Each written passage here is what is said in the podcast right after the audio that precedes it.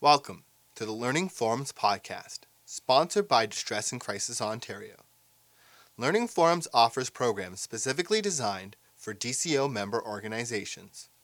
This podcast is meant to inform, educate, and support your work.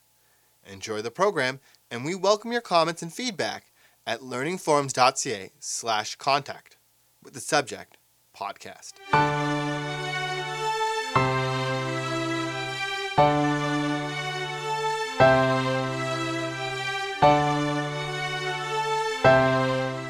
Hi, my name is Brenda Teasel. I'm from the Centre for Addiction and Mental Health, and I work at the Problem Gambling Institute of Ontario uh, within CAMH. Um, wanted to thank you for letting me come here today. And some of the things that we'd like to look at discussing is really the idea of what is gambling, what is problem gambling. We're going to look at some of the prevalence rates, as well as some risk factors for problem gambling, signs and indications of problem gambling, and how you can help. I definitely hope by the end of this uh, session that you'll feel much more informed and definitely more confident if somebody calls on the uh, helpline to be able to talk to them. Uh, one of the first questions that I have for people in the room is Is there anybody here who has never gambled before? Anybody at all? Never gambled, never bought a lotto ticket. Most people in the room have definitely probably gambled before. When we did a study in 2005 of people in Ontario who had gambled, about 63.3% had said that they had gambled in the last 12 months. We probably have seen that number fluctuate throughout the years, but we just wanted to get a sense of when gambling kind of hit the landscape of Ontario, how many people were starting to participate in it. And a lot of people do, and a lot of people have different definitions about what is gambling for sure. Um, so, for example, some people might think, well, bingo is not really gambling, or lottery tickets isn't really gambling. You know, they have uh, kind of an idea that gambling is that casino gambling uh, that you would do. So, if we look at the definition about what is gambling, there's a couple of criteria that are definitely involved. One is that a person is betting or risking something of value, such as money or property, that the outcome has an element of chance to it that is beyond the person's control. And once they've placed that bet, it's done. It's not like they can do it over or reverse it. So there's no do-overs, like maybe when you're little and you made a bet and you're like, I want to do that again. It's it's done. And so those are definitely the criterias for for problem gambling or for just gambling. So when we look at all the different ways that we would normally gamble or that are gambling opportunities in Ontario, there's a number of different opportunities to gamble. You can gamble at bingo, you can gamble at casino games like slots and, and poker and, and blackjack are probably the most common types of games that people play.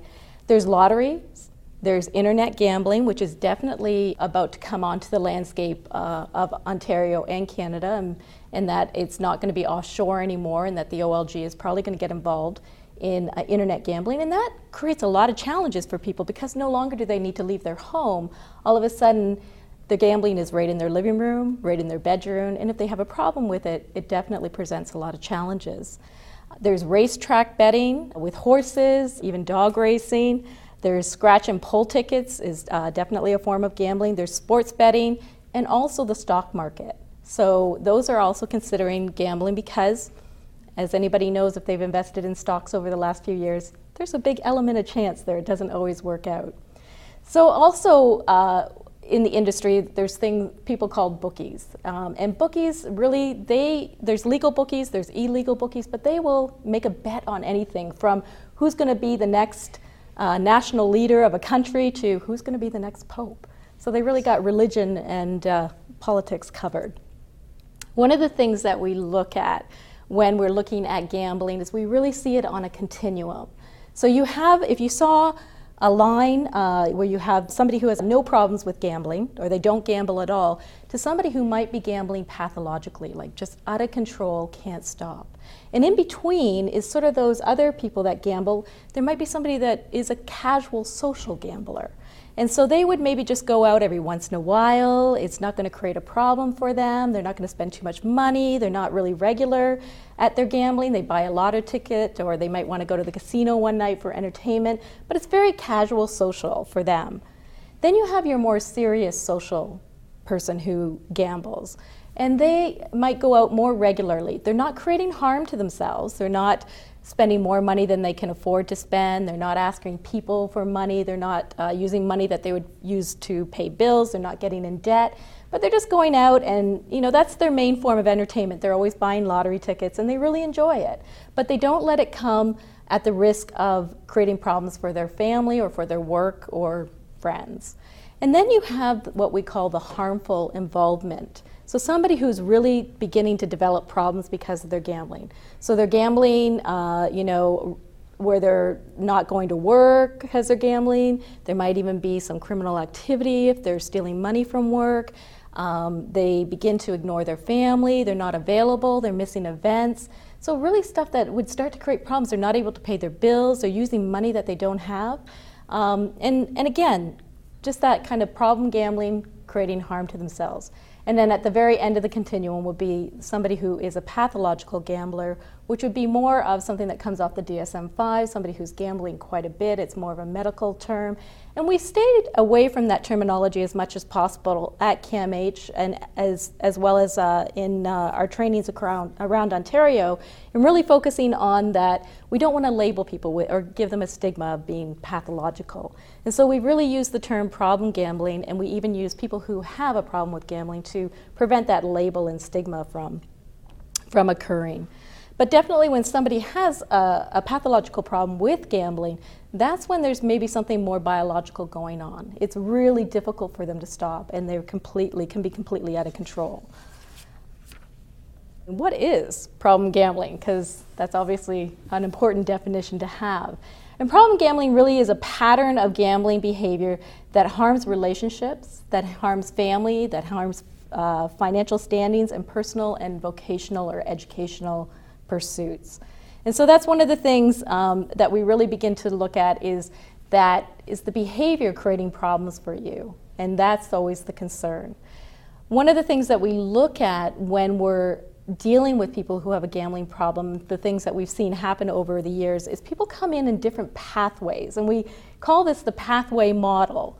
So there would be someone who might come in and be a, either a pathway one, a pathway two, or pathway three. Now, somebody who's a pathway one, having problems with gambling, would be somebody who doesn't have, maybe grew up in a, a stable home environment, grew up in a really healthy environment, didn't have a lot of trauma, didn't have any kind of history of addictions, just sort of lived their life and decided to go maybe to the casino when it first opened um, and really liked it and weren't really aware of odds and you know what the risk was for them and just ended up spending more money than they could afford to spend um, didn't want to lose that money, so tried to win it back, and then they ended up obviously getting themselves into trouble and maybe even developing somewhat of an addiction. When people come in kind of in that pathway one model, a lot of times we would do uh, cognitive behavioral therapy with them, do a little bit of education, and they usually did really well and were able to stop gambling and go on their way. What we started seeing more was people who came in in a pathway two. And when you see somebody come in in pathway two and having problems with gambling, that's when there is more underlining issues. There may be some trauma, there may be some concurrent disorders, some mental health issues. Depression and anxiety are huge uh, within problem gambling. And it makes sense. If I lost all my money, I might get a little anxious you know? And when you get anxious our bodies and our minds really can't sustain anxiety for substantial periods of time. People might deal with an anxiety for a while and they'll find that it turns into depression because that's just the way our body protects ourselves our minds and our bodies. Um, and so a lot of times that makes sense why we're seeing a lot of anxiety and depression with people who come in um, in pathway two. But there could be other issues. Um, but again they stay longer in treatment, they may need more specialized treatment, and really taking care of some of their needs. Pathway three, again, would be the person who has more biological factors going on. So there might be attention deficit disorder. The behavior is much more impulsive. They don't necessarily always think about um, the consequences. They just want to go and, and gamble. And so when we have clients that come in in a pathway three, definitely the, the treatment can be more intense. Um, it may be longer term, and there's a lot more challenges that can occur. But those are sort of how we see people come in and really begin to assess where people are at around their gambling behavior. How many people in Ontario actually have a problem with gambling? What city in Ontario could possibly house all the people who have a gambling problem. Could it be Windsor with a population of about 324,000? Or could it be Niagara Falls with about 390,000 people? Or would we be able to house all the people with a gambling problem in city like Kitchener Waterloo with a population of about 451,000? And if you picked Kitchener Waterloo, you'd be right. So Kitchener Waterloo has about 451,000 people uh, in that city. What we know is about 3.4% of people have a moderate to severe problem with gambling in Ontario. That was the last stats we had. And so we're looking at probably about 442,000. So that's quite a significant number of people when you think about it in just one province alone. And when we look at the national numbers, it gets even larger. I think the other thing that's really interesting is there was a study that came out in 2004 by Williams and Wood. And one of the things that they looked at was the revenues that casinos were making. Um, and casinos make a lot of money and they, they do very well. And they were noting that 36%, so more than a third of the revenues going to casinos, were coming from people who had a moderate to severe gambling problem. So that's pretty significant. So, what I'd like to do now is before we kind of get into sort of why people develop a gambling problem, I just want to do a quick little activity with you, and it's called the big ticket item. So, I want everyone to think of a big ticket item that they'd like to purchase. Now, I don't want it to be a house or a car or a boat, but something maybe for a house or an apartment. Who'd like to share? Okay, yeah. Apple computer, a laptop. A laptop, that's your big ticket item. Okay, money is not an issue. So, how much, you know, if you could spend whatever you wanted, what would you spend on that Apple computer? $3,000. 3000 great. Okay so you're at the apple store. You know exactly what it's going to be a laptop i'm assuming. You know exactly what laptop you want. You have that money in your pocket. That laptop is going to cost you $3000 you're getting excited now. Now everybody else has their item in their head. They know what they want to get. Okay you're at that counter. They're asking you to pay. You're going to take out that $3000 boom boom boom boom boom. Slap it down. You're walking away with that laptop tonight. You can't wait. It's going to be awesome somebody comes up to you and they say, you can get that exact same laptop. Now you're going to have to go up the store, up to another store ways, that exact same laptop top for 2,950 bucks. You going? No. No? Is anybody else going to go? No? Okay. So you got your laptop. Great. You're going home with it. But you decide, oh, you got a little extra money, and you find yourself in another store before you leave, and uh, you're in a clothing store and you see this blouse. I mean, this blouse, you love it. It looks fantastic. You try it on, you're like thinking, jigga jigga, this is gonna be great. I'm wearing this, I'm going out tonight.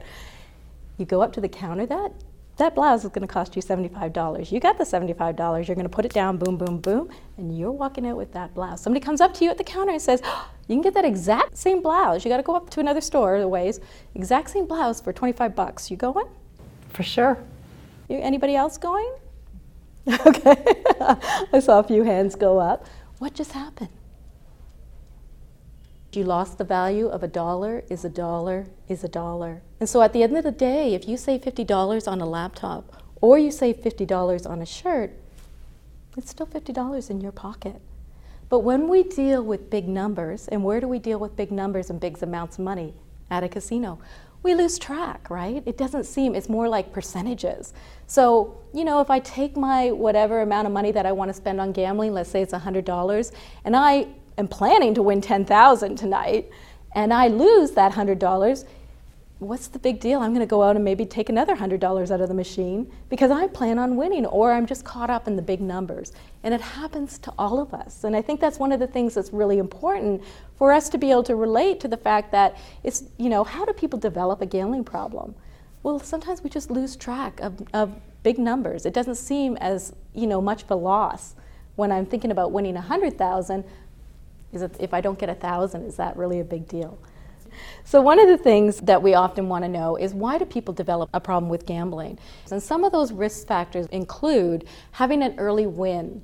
And what that means is that if I go to a casino and I've never been before, and I go and put um, some money into a slot machine and I either push that button or pull a handle. I don't think you can pull a handle anymore. But I push that button and I win $2,500.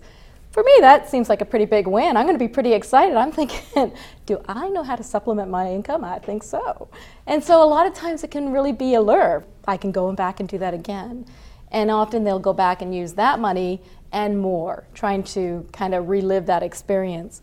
Also, the size of the win. So maybe if they don't have an early win, if later on they have a very significant win to them, whether it's 5,000, whether it's 10,000, that's very much incentive. That seems like a pretty, where else can you go and walk into a building and win some money and walk out?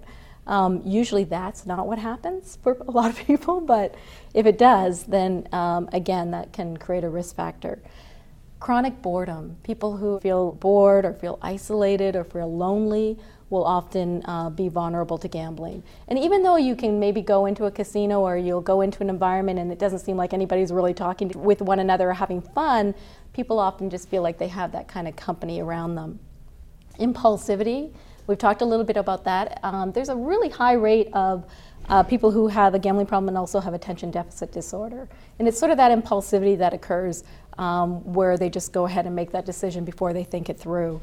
Also, a poor understanding of random events. And we're going to talk a little bit more about this, um, but people just not knowing what the odds and, uh, probabilities are for gambling. Um, and so sometimes that can be really important to understand. And also looking at relying on gambling as a way to escape and a way to cope with stress. That's a huge factor for a lot of people, and we'll talk some more about that. There's stress life events can also create uh, problems for people, and also depression is um, huge. And uh, people will often go because gambling can actually change the chemistry in our brains. And it actually can create more endorphins and kind of give us that good feeling and that adrenaline rush. Um, and it's not uncommon for to hear people say, you know, I was laying on the couch and I couldn't get off the couch to save my life, and I saw a gambling commercial and started thinking about it, and next thing I know, I'm there. So the odds on Lotto Max to win the very big prize is 1 in 28 million. Does that seem pretty significant? The odds to win 649 is 1 in 14 million. Now that's a big number, right? So really, 1 in 14 million, 1 in 28 million, who really cares? That's so impossible. I'm just going to buy a ticket because surely I'm going to win. I got magic today. Another factor that makes it very much a risk factor for people who have a gambling problem is that need to want to escape or cope with stress. And so it's very similar to maybe substance abuse, drug and alcohol use. If I have a bad day, if I have a bad week, if I have a bad month, if I have a bad year, if I have a bad life, when I ask clients what do they think about when they go gambling, they give me the same answer probably about 97% of the time. And that answer is nothing. I think about nothing when I gamble. So coping uh, with stress, coping, um, you know, with just things that aren't going right, and being able to go somewhere and think about nothing, it can be very appealing. When we look at risk groups, there are several different ri- risk groups. In fact, there are so many different risk groups um, that I'm kind of thinking who's not at risk for gambling. But apparently, there's youth um, are definitely a risk group. But 1.7% of grade 7 to grade 12 students have a problem with gambling. And a lot of times they're doing cards and lotto tickets, which they're not even cards they can play in the cafeteria, I suppose, but lottery tickets, not, it's not even legal for them to purchase, and yet they're able to purchase them. When we look at youth from 16 to 24, that's the fastest demographic developing problem with gambling, and half of them aren't even legally able to gamble. Older adults, we have a number of about 2.1% developing um, problems with gambling, and predominantly they play slots. We also look at new immigrants. Uh, a lot of times when we have new immigrants that are coming into the country, uh, a lot of them are coming from war torn countries. There's trauma involved, they're leaving family, there might be some loneliness, some isolation, and definitely they end up going to an environment where it kind of maybe they feel like if they could just make a lot of money, they could just bring their whole family over, they could just take care of all their needs. Um, so again, and not having that sense of what odds and probability are, it makes them very much a vulnerable group. Aboriginal uh, groups also having that accessibility and that acceptance of gambling in their communities and also having that isolation that occurs on reservations. Low income. So again, if I have a low income, if, if I go out and I decide that I make $100,000 a year and I decide I want to spend $100 on gambling, and then somebody else who makes $10,000 a year decides they're going to spend $100 on gambling, it's not the same $100. Them losing $100 is going to be much more significant than somebody else who's making $100,000. So again, the, when you have a lower income, they're going to get impacted much quicker by a loss um, if they're not controlling the amount that they're gambling. Women are also a risk group. And one of the things that was really interesting when casinos first came out for women, when you think about women, you know, it's two o'clock in the morning, you don't, can't sleep, you're feeling lonely, you have nothing to do. It's not safe for you to just decide that you're going to go for a walk. It's not safe for you to decide all the clubs are closed, you're not going to go to a bar, they're closed. Um, but where can you go? You can go to the casino. And so it became a real issue because women felt safe at casinos, where they wouldn't necessarily feel safe going somewhere else by themselves late at night. So that became also an issue. And also, though, for women, there are a lot of barriers for treatment. Sometimes they, you know, they were, aren't able to get to treatment because they had childcare issues or they had other issues going on um, that didn't allow, or they had more stigma because if they developed a gambling problem, there was again more stigma on for them of being looked at as, you know, how could you let that happen? You have other responsibilities. So again, um, they also became a risk group of keeping it quiet and keeping it secret. For adults, just a general adult population, as I, we looked at before, about 3.4% of people develop a problem with gambling in the general adult uh, population. And again, in treatment, we see we still continue to see more men coming into treatment than we do of any other um, pop- than any other women, and more men in uh, youth and older adults, and in uh, the general population. One of the primary things that we see is financial signs. Definitely, uh, one is that people will start beginning to have less money if they're having a gambling problem. People may begin to notice, and especially family members, and we'll talk a little more about that, may notice that money is disappearing. You know, or items are disappearing. That they might go to pawn shops and then try and get them back. Um, but again, bills aren't getting paid. So definitely a lot of uh, financial issues begin to occur. Um, may notice that somebody's taking a second job, but yet their income isn't changing and more debt is being established. Uh, again, a lot of financial signs, and obviously, finances is a big part of developing a gambling problem.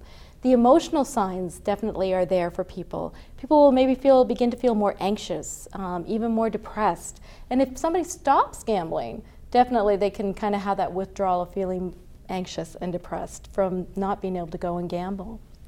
So again, um, they may have outbursts of anger because they're not able to get away when they want to get away or because they're losing a lot of money. And time cues are also another issue for people of just again not showing up for events, being late, not knowing where they they are, not showing up for work. Uh, behavioral, they stop doing things that they really enjoyed doing. Um, is often what happens. They start missing family events and they start changing their patterns of sleep or eating. And again, all of this can come from just the anxiety and depression. The other uh, sign that happens for a lot of people is the health issues and health signs. And some of the things that they experience is that they may begin to have headaches, they may begin to have stomach, uh, indigestion problems, difficulty sleeping for sure, and or maybe even having uh, bouts of overeating or just complete loss of appetite. And so what happens is, and one of the things that we were seeing is that for a lot of people who were developing a gambling problem, their first point of entry into the healthcare system was through their family doctor. Because they weren't going to their family doctor and saying, I have a gambling problem and this is why this is happening. But they're going to the family doctor and saying, you know, I got a headaches all the time and I can't sleep and I need something. And so the family doc- doctors just weren't asking the question. And that's one of the things that we do now with a lot of allied professionals is we get them to just begin to ask the question, what are you doing for entertainment? You know, what kind of uh, things do you do? Is gambling is one of the types of entertainment you do? How often do you gamble? And so sometimes that's a way of opening up the conversation. You don't actually have to ask somebody, do they gamble, but just what do they do for entertainment? And list a, a variety of options. Do you go to movies? Do you go to the casino? But again, just not knowing to ask the question really left a lot of doctors sort of sitting, not even understanding their patients and why they were struggling with some of the health issues that can occur when you're dealing with anxiety and depression because of huge gambling loss. The other thing that I wanted to uh, give you is some resources and some referral options. We have a site called www.problemgamblingOneWord.ca. And this is an awesome site that gives you some resources and tools that you can use with people either over the phone um, or even in person. And what it does is if you go to the website, it comes up to the first splash page. And what it does is it gives you an option just to kind of go in and look at what tools are available. When you click on the page that shows you where the tools are. It'll give you things like quizzes that uh, you can people can do, and and the thing that's nice about it is clients can do it with an autonomy, uh, and they can be anonymous, um, and they can do it in their own time. So if they kind of wonder if they might be having a problem with gambling, how do they compare to you know the general population? They can do a quick 10 question quiz, and it kind of gives them a, a, continuum on one to five of where they feel that they're at um, based on the question. The other tools that we have there is some monitoring tools. So people can begin whenever somebody isn't quite sure if they want to make changes, they're in that pre-contemplative or contemplative stage. It's really about awareness. Really just get them to begin to monitor their behavior. And so we have some great monitoring tools of them beginning to monitor when they gamble, when they're having urges to gamble, um, how they're feeling, if they didn't gamble, how they're feeling. And after they've done that for a couple of days or even a week, they can push a button and it calculates it and gives them this great graph of kind of when their high risk times are, when they're really having urges, when they were successful, when they weren't. Um, you know, based on what their goal is. So, some really great tools just for you to be able to go into that site and take a look at. The other thing that we've recently developed is some self help online tools. And obviously, things are changing. We're getting into chat uh, rooms and we're getting into chat therapy online. Um, we're getting into just how do we start reaching people who maybe not walk through the doors or just want to talk on the phone or just want to, again, have access to treatment or being able to talk to somebody online. So these are tools that they can get into online that will, one, be able to allow them to explore if their gambling behavior and also begin to look at some options around monitoring it and what they want to do about it. If they want to talk to somebody and do more, they can, but if they just want to be able to kind of go through some of the online tools that will help them make some changes if that's what they want to do, they're excellent tools for you to kind of go in and explore. Now, one of the things that you have to do when you do go into the main page and then get into the tools is you do have to register, just so that you know if you do tell somebody to maybe check out some of the tools, that there is a registering process, but that that isn't tracked in any way that would be identifiable. So the Ontario Problem Gambling Helpline is a 24 7 uh, number that people can call, and when they call that number, they will be able to talk directly to somebody who, one, we'll spend some time on the phone with them if they need to, but we'll give them the resources of the closest treatment uh, facility for problem gambling that is in their area. So there's about 54 different agencies that across the province of Ontario that deal with people who have a problem with gambling. Two of those services are residential and there is a fee. Sometimes you can you know pay that fee with OHIP. The other three residential facilities across the province are free and confidential, and then any of the outpatient, which there's another 50 to 49 outpatient treatment uh, facilities, are all free and confidential to anybody who just wants to go in and be able to talk and explore whether they have a gambling problem. So it's a great number to have because they can call that number, they can be anonymous, and they can just say, listen, I, this is where I live, and can you tell me where I can go and maybe talk to somebody about my gambling problem? If it's late at night, or if it's even in the middle of the day, or in the middle, or in the morning, there's also somebody at that line that will spend some time talking with them if they need to talk to somebody and give them some really useful information. So I also wanted to make sure that you had some some resources and some referral options when you do talk to somebody. Again, when you look at what is counseling for problem gambling, as I said before, it's uh, free and confidential, and it's also very client centered and non judgmental. And so a lot of times clients are, or not even clients, but people will say, I don't necessarily want to go and talk to somebody at a treatment facility because they're going to tell me I have to stop gambling. But that's not what it's about. It's really about where is the individual at. So we have clients that would come in and they would do harm reduction and basically try and reduce the harm because they're not quite ready maybe or they don't think that they need to stop gambling. And again, we work wherever the client is at. So they can have a goal of either harm reduction or a goal of uh, abstaining completely. Also, it gives them an opportunity that if there is some mental health issues that they're really challenging and interfering with their ability to stop gambling, they can address those with a therapist or a counselor at that time. And also, the main thing is that they get the support and they learn to begin to identify their triggers and urges and develop coping strategies that will help them in their process to make changes, whether it be around harm reduction or whether it be around abstinence wanting to thank you for giving me this opportunity to talk to you um, about gambling, about problem gambling, and um, any of the questions that you might have of clients that you've talked to over the phone.